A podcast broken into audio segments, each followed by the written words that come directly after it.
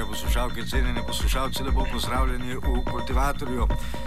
Leto se izteka, nič novega. Uh, kaj pa je bilo novega v tem letu, saj za naše sodogovornike Igorja Vidmarja, Miroslava Gregoriča, Tatjano Grajef, Andona Komata, Lenarta Kučiča, Irfana Beširoviča in pa Vesno Godino, pa bo se zvedeli v nadaljnih pol ure.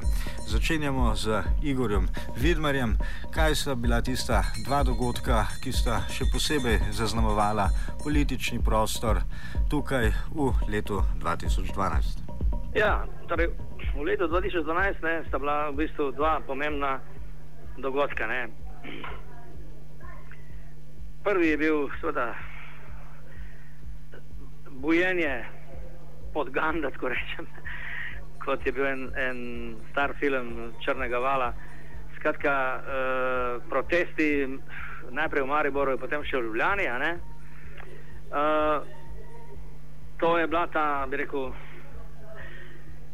državljani so postali aktivni in civilna družba se je zbudila vendar je treba povedati, da to pomeni samo, ne samo začetek, ampak tudi samo delno prebujenje in aktiviranje državljanov. Ne? Ker če vzamemo vse protest, protestnike skupaj, nas je bilo morda bah, manj kot en procent, vse populacije pa morda tam procent in pol državljanov. Ne? To je sicer kar dosti, vendar zato, da bi se razglasili za rekel bi, novi demos, ki pač lahko vlada in je legitimen in lega in tako naprej, je vendarle premalo. Ne? To se pravi, še posebej pa zato, ker uh, je bil to resen tak ha, spontan izbruh, pač pogojen tudi z spletnimi mediji, uh, socialnimi mediji. Ne? Uh, skratka, tudi napredni slovenski novinari so imeli, so padli v hudo skušnjavo primerjati to z Egiptom in temi ostalimi zadevami, kar je popolna oslarija. Medtem ko je bila cela zadeva v bistvu dosti bolj podobna nečemu, kar je recimo Slavoj Žiže že pred leti slavil kot ne, veliko mobilizacijsko možnost mobitelov in Facebooka oziroma uh, spleta. Ne, se pravi flash mobi, ne? neke množice, večje ali manjše, se na hitro zberejo, ne? nekje neki se postavijo, ne vem kaj, ne? in potem se spet razprašijo. Okay. To je bil torej, protesti v Ljubljani, Maribor so bili, Maribor so bili seveda en velik korak naprej od tega, vendar se seveda še daleč od nekega, da moramo reči, gibanja, ne? recimo kot gibanja odpor v Srbiji ki je, kot sem zasledil, oziroma kot sem razumel, posodlo najprej Mariborskemu in potem seveda tudi Ljubljanskemu gibanju oziroma protestom to svoje geslo gotovo je, ne, ker to je bilo najprej leta 2000 pač v Beogradu, gotovo je Slobodan Miloševič. Vendar, to je točno ta problem, bom rekel. Gotovo je, v Srbiji je bilo jasno, za koga gre. Ne. V Sloveniji je bilo jasno v Mariboru ne? in ta je tudi bil gotov. Ampak seveda njegov mestni svet, tako rečem, ne, ki ga je tudi izvolil pol v državni zbor, oziroma v državni svet, ne, je pa še vedno na mestu. Ne? Tako da bomo videli, kaj bo zdaj naprej. Ampak zaenkrat zgleda, kot da to ne bo več tako množično in, in, in silovito, kot je bilo. V Ljubljani, ne? seveda bi si radi. Uh, vse mogoče stari, novi, mladi in starejši levičari želeli, da bi bil to protest z enotno, z enotnim označevalcem proti Janši. Vendar to ni bilo tako, bilo je malo bolj komplicirano, ne? predvsej bolj komplicirano. Uh, vendar predvsem seveda zaradi medijev, ne? zaradi posredovanja te slike protestov v javnost, kjer si je celo delo, ne? ki ne bi bilo recimo po Janševi verziji levo, ne? Privoščilo, da je postalo v isto linijo, da, da je postavilo isto linijo Janšo, Jankoviča in še Semoliča in, in se pravi eh, sindikalista Sviza Štruklja, ne?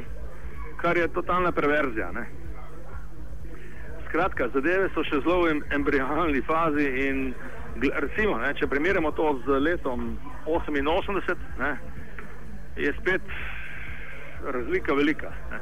Vendar zdaj je vse odvisno od tega, kako, bo, kako se bodo stvari razvijale naprej, oziroma kako se bodo stvari artikulirale. To je zdaj se postala že fraza, vendar je, predvsem se bojo lahko artikulirale avtonomno, ne, oblikovale ideje in programi in predvsem tudi vrednote, da tako rečem, avtonomno, ne, ne pa v odvisnosti od tega, kaj, bo, kak, kaj bojo kakšni čudni primerki na Facebooku ali pa na Twitterju ali pa še kje tulili v smislu, vse elite morajo odstopiti takoj. Ne. Ker to je seveda popoln nonsens. To, to pomeni ustvarjanje praznega prostora, politični sistem, tako demokratičen kot totalitaren, ne, ne prenaša vakumov, ne v vakum se tako umesti neka višja sila, nek diktator ali pa neka, neka oblika izrednega stanja in tega si verjetno ne želimo. Ne? Dobro, to je ta en del te zgodbe, ki je še zelo fluiden, odprt in se dogaja as we speak. Drugi del se je že končal, vendar druga plat te medalje je pa sedaj izvolitev predsednika republike. Ne? Torej, jaz nisem verjel, da bo Pahri uspelo tako groteskno demagoškimi in ameriško-pijarovskimi potezami, kot jih je, pač, kot jih je počela. Ne? Vendar se je to, točno to se je zgodilo. Ne? In zdaj imamo na oblasti, bi rekel, tri prevarante. Ne? Pač Pahorja, ne? ki je socialni prevarant, ne? ki se je pač zakamufliral oziroma prezentiral kot prijatelj ljudstva. Ne? delovskega razreda in tako naprej, kar seveda nikakor ni. Ne. Potem imamo poklicnega previranta na, na čelu državnega zbora in potem imamo seveda še notoričnega mesista slovenske politike na čelu vlade. In to je, bom rekel, ena taka, to je situacija, konstelacija, če hočete, ne, ozvezdja, ne, tako kot so zdaj napadovali za to majovsko zadevo 21 decembra, ki je pač v Sloveniji še ni bilo. Prej, po eni strani je to ponuja ta konstelacija možnost, da se pot, potvorjenost, lažnivost in, bi rekel, lakajstvo te politike do neoliberalne Evrope pa iz šire jasno pokaže, izkaže in tudi izzove ljudski revolt. Ampak res širok. Ne? ker to je v bistvu izdaja, da tako rečem. Ne? Oni, mislim, razglašajo se za patriote, za združevalce, ne? v resnici pa vemo kaj. Hočejo pač postati uh, lakaji v službi višjih, oziroma širših sil, ne nemško-evropskih, ki jim bojo omogočale pač udobno pozicijo, ljudstvo pa bo, bo, bo moralo poskrbeti samo zase na svobodnem trgu vsega živega, ne? od zdravstva, šolstva in vsega ostalega. Ne?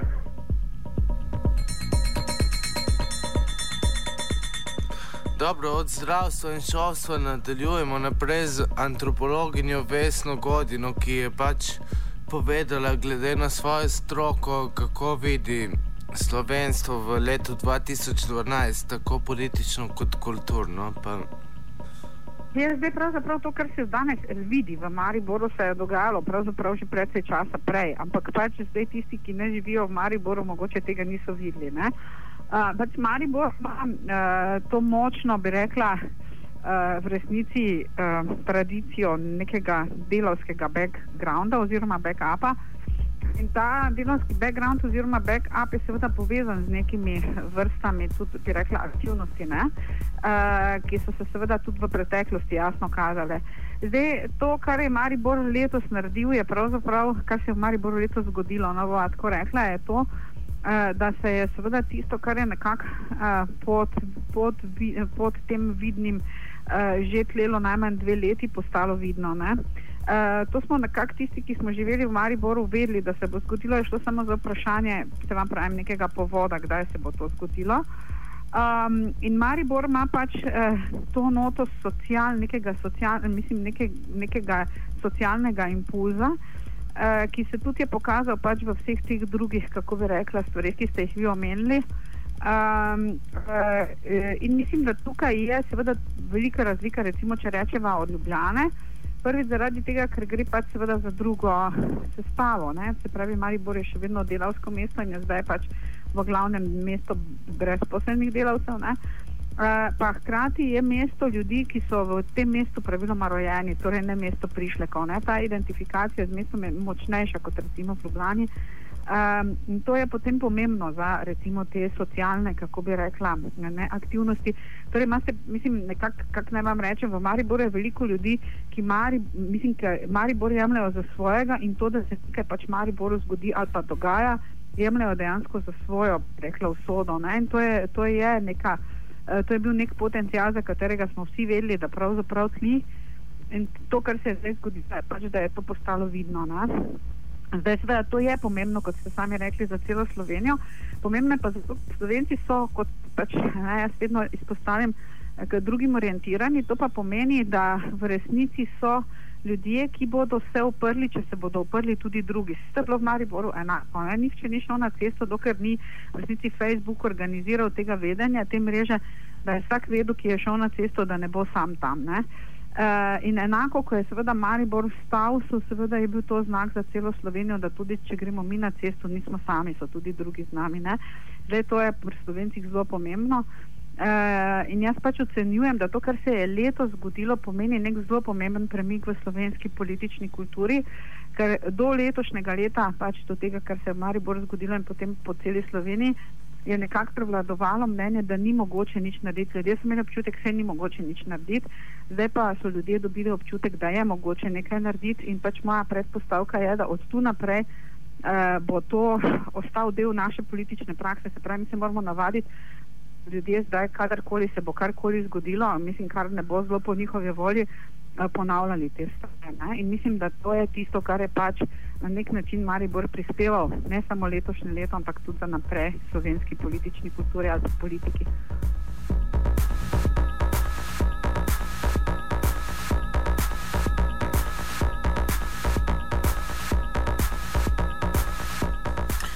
Dobro, sedaj se srimo, slišali smo eno plat zgodbe iz, od marginalnih skupin, čeprav morda je narobe, da se tako kažemo. Um, zdaj pa se srimo k Erfanu Bečeroviču, on je bil, um, oziroma je še predstavnik izbrisanih Slovenije, kako je videl, mislim, poslušamo, kako je videl um, to leto borbo za pravice, ki jim pripadajo, pa seveda niso nikoli bile v dejanju.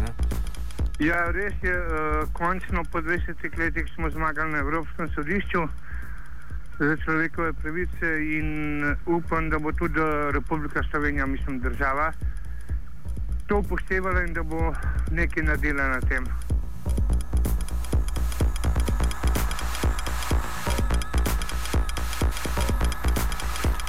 Skratka, po 20 letih sistemskega in sistematskega izbrisa tisočev ljudi je dokončno tudi Evropsko sodišče prisodilo njemu prid, pa vendar se še čaka na dokončno rešitev strani slovenske države. Spodbudno pa je seveda, da pa mineva v letošnjem letu 25 let organiziranega gibanja na področju LGBT skupnosti tudi na tem področju se je kaj zgodilo, govori Tatjana Grajf. Torej, meni se to leto v bistvu ne zdi nič kaj posebnega. E, e, bi, bi bila e, zadeva v zvezi z referendumom o družinskem zakoniku, se, se pravi padec e, tega družinskega zakona na referendumu letos pomladi. E, to pomeni, da se je s tem e, bistvu proti političnim eh, dejanjem se je pokazalo eh, stanje demokracije v Sloveniji, to se pravi orvelovsko stanje eh, demokracije oziroma političnega režima, eh, ki eh, v celoti zanika suverenost delu državljanov in državljank eh, z pozicije moči. In tukaj se je tudi pokazalo, kdo vse so eh, dejavniki, ki vplivajo iz ozadja na neke politične eh, tokove, eh, ki potem rezultirajo v takih referendumih, kakršen je bil ta, zaradi katerega še dalje ohranjamo potem seksualni apartheid, ne bi jaz temu rekla. Po drugi strani pa za same manjšine in za ranljive skupine, za deprivilegirane neke populacije v Sloveniji, pa mislim, da to leto ni kaj bistveno eh, drugačno od ostalih dosedanjih. E, sama kriza in e, celotna situacija se na manjšinah še najmanj odraža zaradi tega, ker manjšine so e, in ranljive skupine so tako ali tako že odnegdaj na margini in so razvile že neke določene strategije e, preživetja tako da se mi zdi, da uh, ni nekega posebnega vpliva, uh, mogoče da večinsko populacijo to bolj, ta družbena situacija bolj prizadene, kot pa nekoga, ki je itak na margini. Ne? Uh, za me osebno pa je letos bilo pomembno tudi uh, zaradi tretje stvari še, ki bi omenila in to je 25. obletnica delovanja sekcije Škucelel, se pravi lezbične sekcije pri društvu Škuc. Eh, mislim, da je to nek tak menik, ki je zaznamoval letošnje leto, vsaj kar se tiče LGBT gibanja. Lezbična sekcija LL je bila prva lezbična organizacija ne samo v bivši Jugoslaviji, ampak tudi v celotni vzhodni Evropi in v bistvu kontinuirano deluje že od leta 87, tako da to je tudi en svoj vrsten uspeh. In dokaz tega, kako neke, eh, pač kot rečeno, manjšine ali pa eh, marginalizirane, stigmatizirane skupine eh, skozi lastne strategije preživetja, neke alternativne in neke eh, drugačne vrste upora lahko eh, kontinuirano eh, živijo in delujejo eh, znotraj vsakega sistema v bistvu.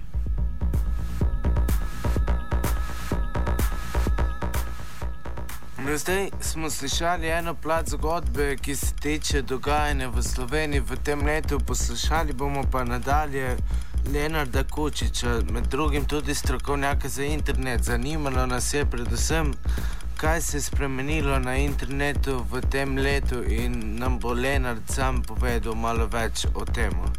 Ja, letos se je par stvari zgodilo. Predvsem je kar nekaj takih starih tematik, ki se kuhajo že nekaj let, postalo očitnih. Recimo, lep primer je akta, zaradi tega, ker v resnici ni prinesla nič novega, ampak je samo na enem mestu lepo popisala kupenih takih zakonodajnih drobcev, ki so bili že sprejeti in so že uveljavljeni, ampak tukaj so bili razpršeni, so izgledali veliko bolj nedolžno kot če jih daš v en dokument. In ko so bili pa pač objavljeni v enem dokumentu, je pa zelo opazil, da pa stvar ni tako nedolžna, kot se je zdelo. A druga stvar, ki je bila zanimiva v praksi, je tudi to, da poleg tega občutka, da regulacija interneta prihaja in da v resnici javnost pri tem nima ki dosti besede in da bo mrzkašna internetna svoboščina, ki jo imamo danes za samoumevno, hmalo lahko postala vse prej, kot sem umevna. To mislim, da je danes postalo veliko bolj očitno in jasno. To sicer še ni taka mainstream tema, ampak eh, je pa zavest o tem, da se na področju interneta nekaj dogaja, predvsej bolj navzoča, kot je bilo pred parimi leti. To, to je sigurno ena stvar. Pol druga stvar, ki je zanimiva, um, je bila razkritje in teh internih dokumentov proizvajalcev omrežne in druge opreme, ki je pač pokazala, da so raznorazni režimi in tudi čist demokratične države po vsem svetu zelo velike nakupovalke sistemov za elektronski nadzor. A, proizvajalci iščejo take zelo izvirne načine, kako prodati svoje izdelke. Zdaj, a, v Ameriki to ne bi šlo skozi, ampak kar en par teh režimov je pa dobili brošure, v katerih je pisalo, da ta pa ta tehnološka rešitev med drugim omogoča tudi iskanje politične opozicije na družabnih omrežjih in podobno. Da ta ideja, da je internet zgolj orožje širjenja demokracije in dobrega in zarušenja diktatorjev, se je zdaj tudi mečken uravnotežil, zato ker se je videl, da rekel Evgenij Morozov, en tak znan kritik tega prepričanja, da se je diktatorje precej podcenval in da na podoben način, kot jih utegne kakšna Twitter demonstracija presenetiti, lahko pa že druga Twitter demonstracija prenese veliko dragocenih informacij tajni policiji. Tako da tudi to, da je internet eno tako dvorezno orožje in ne samo enorezno, je tudi malo bolj navzoče, kot je bilo včasih. In pa zdaj, zadnja stvar, ki se je pa v Dubaju zgodila, je pa spet zanimiva zaradi tega, ker uh, so se pač veliko pogovarjali o novih telekomunikacijskih pravilih, kjer se je retorika izredno zaostrila in v zadnjem smo se pa že kar pogovarjali o tem, ali bo internet ostal svoboden, ne bo ostal svoboden. Države, tiste, ki so se razglasile za varuhe svobode interneta in druge, ki so jih razglasili za sovražnice interneta, so se pa nekako razvrstile po seznamu ki sumljivo spominja na 70 let po hladno vojno.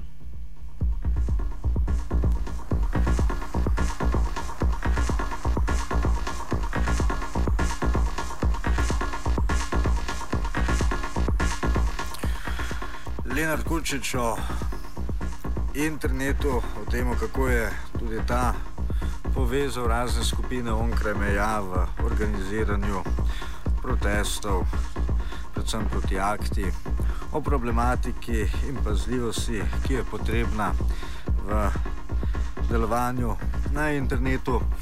Sedaj pa še o tem, kar poganja računalnik električne energije. Uh, stoji prva veterna elektrarnica tam na poti na Primorsko, uh, še največ gorkega med civilnim prebivalstvom pa je prizadejala uh, gradnja Teša 6, o njej uh, Gregorič Miroslav, nekdanji uh, direktor uh, Agencije za jedrsko uh, varnost. Ta T6, za katerega je ne samo EIB, tudi EBRD je dala, je dala kredite in slovenska vlada uh, garancije na koncu. Uh, zdaj je uh, in, noveliran investicijski program 5, je sicer ne, na pol odzuni, ne da se ga sprintati, je na webu, uh, recenzije ni, uh, tle cena se nekje giblje okrog, sedaj okrog 1,3 milijarde, vsi vemo, da bo šlo to gor. Uh, da je ta glavni strošek ne investicija, ampak uh, 40 let uh, premoga, uh, cena premoga in mi si s tem podaljšujemo oglično družbo najmanj za 26 oziroma za 30 let. Kaj ti ne smemo pozabiti, da bi se dalo posodobiti uh, te 4 in 5. Um, ehm, segrevanje ozračja je in mislim, da vele sile in vele kapital se na to požvižga in drvimo proti 4 uh, stopinjam Celzija povišene temperature glede na predindustrijsko družbo. Uh, Kyoto je podaljšan do, samo do leta, je podaljšan do leta 2020, ampak uh, to je Larifari, kaj ti podaljšala ga je samo Evropska unija pa Avstralija in to za 15% toplogrednih plinov, ki, so, ki se emitirajo v svetu. Skratka, to je uh, nepomembno dejanje in to je samo na nivoju uh, uh, morale. Uh, kaj še slovenska podjetja še nadalje služijo s preprodajo električne energije, na račun tega, da so nekatera gospodarstva na Balkanu še bolj uh, v slabem položaju kot je slovensko. Uh, mi porabimo še vedno tam nekje okrog 12 teravatnih ur, po naših daljnovodih pa pretočimo 24 teravatnih ur. Ne. Skratka, živimo, eni živijo lepo od tega uh, tranzita uvozno-izvoznih poslov.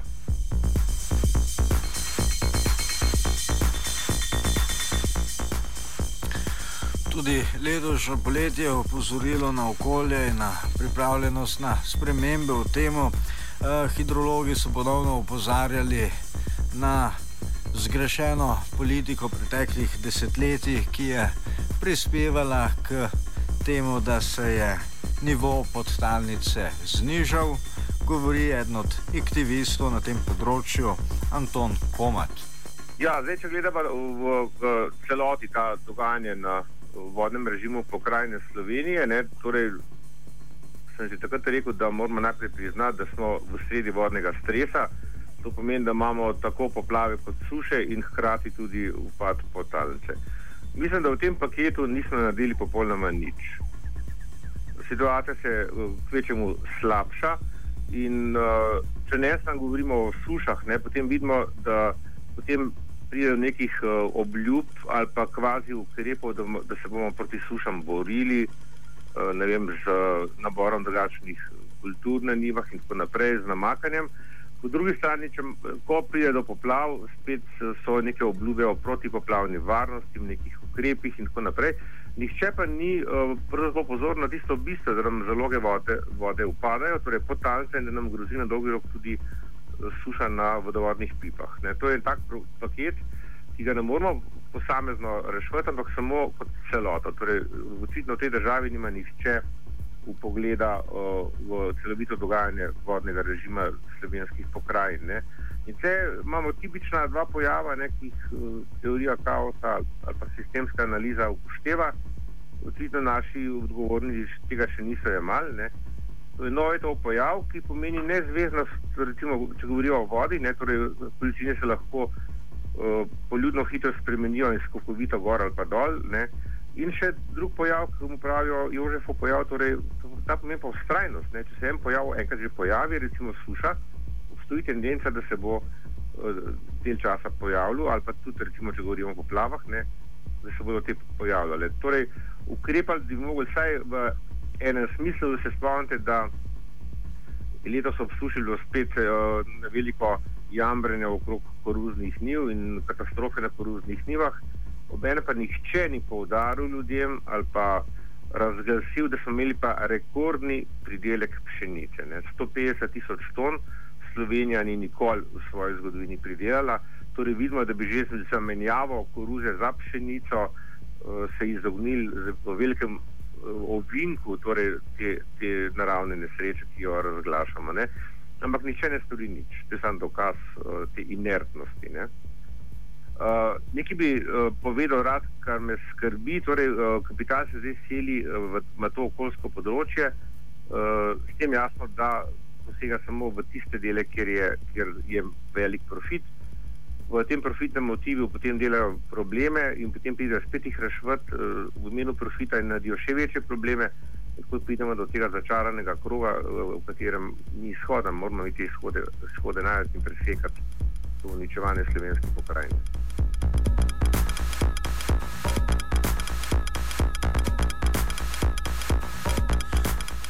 Dobro, sedaj počasi prihajamo k koncu oddaje.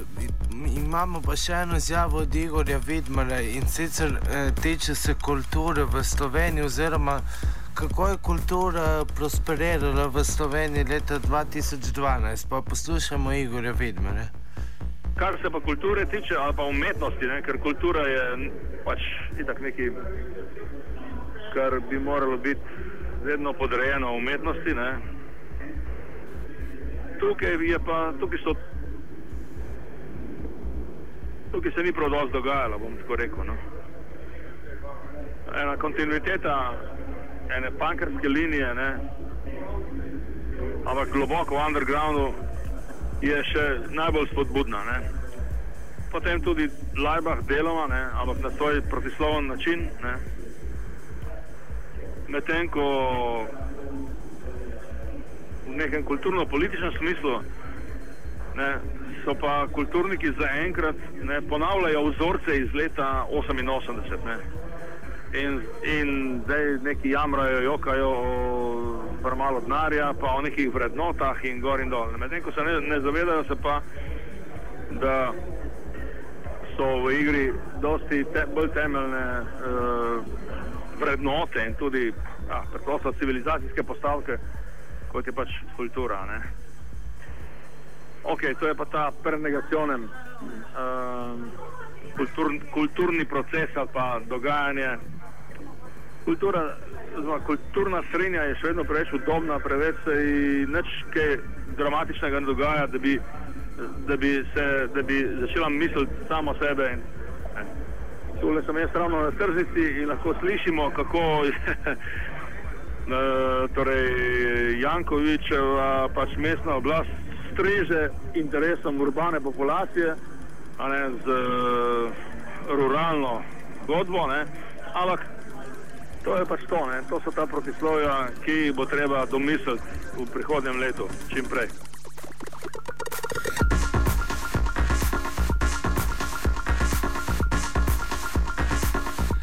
Z nalogo za prihodno leto končujemo današnji kultivator.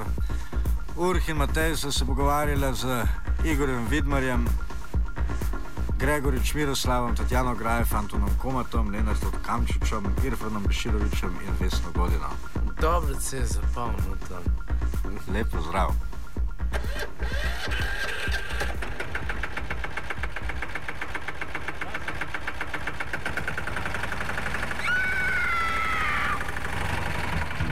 Ja, kaj pa je to? Ja, kultivator. Gre za neko vrsto apatije. To lahko reče samo kreten, noben drug. Socialni invalid in ga je ne mogoče urejati. Drugi kandidat. Pa, pa pije, kadi, masturbira, vse kako ti lahko reče. Nihče tega ne ve. Vsak petek skultiviramo dogodek tedna. Lahko po kriterijih radio študent, težko pa po evropskih kriterijih. Ampak na drug način, kot vi to mislite. Kultivator vedno užge. Da pač nekdo sploh omenja probleme, ki so, in da pravzaprav sploh nekdo sproži dogajanje uh, v družbi. To drži, drži.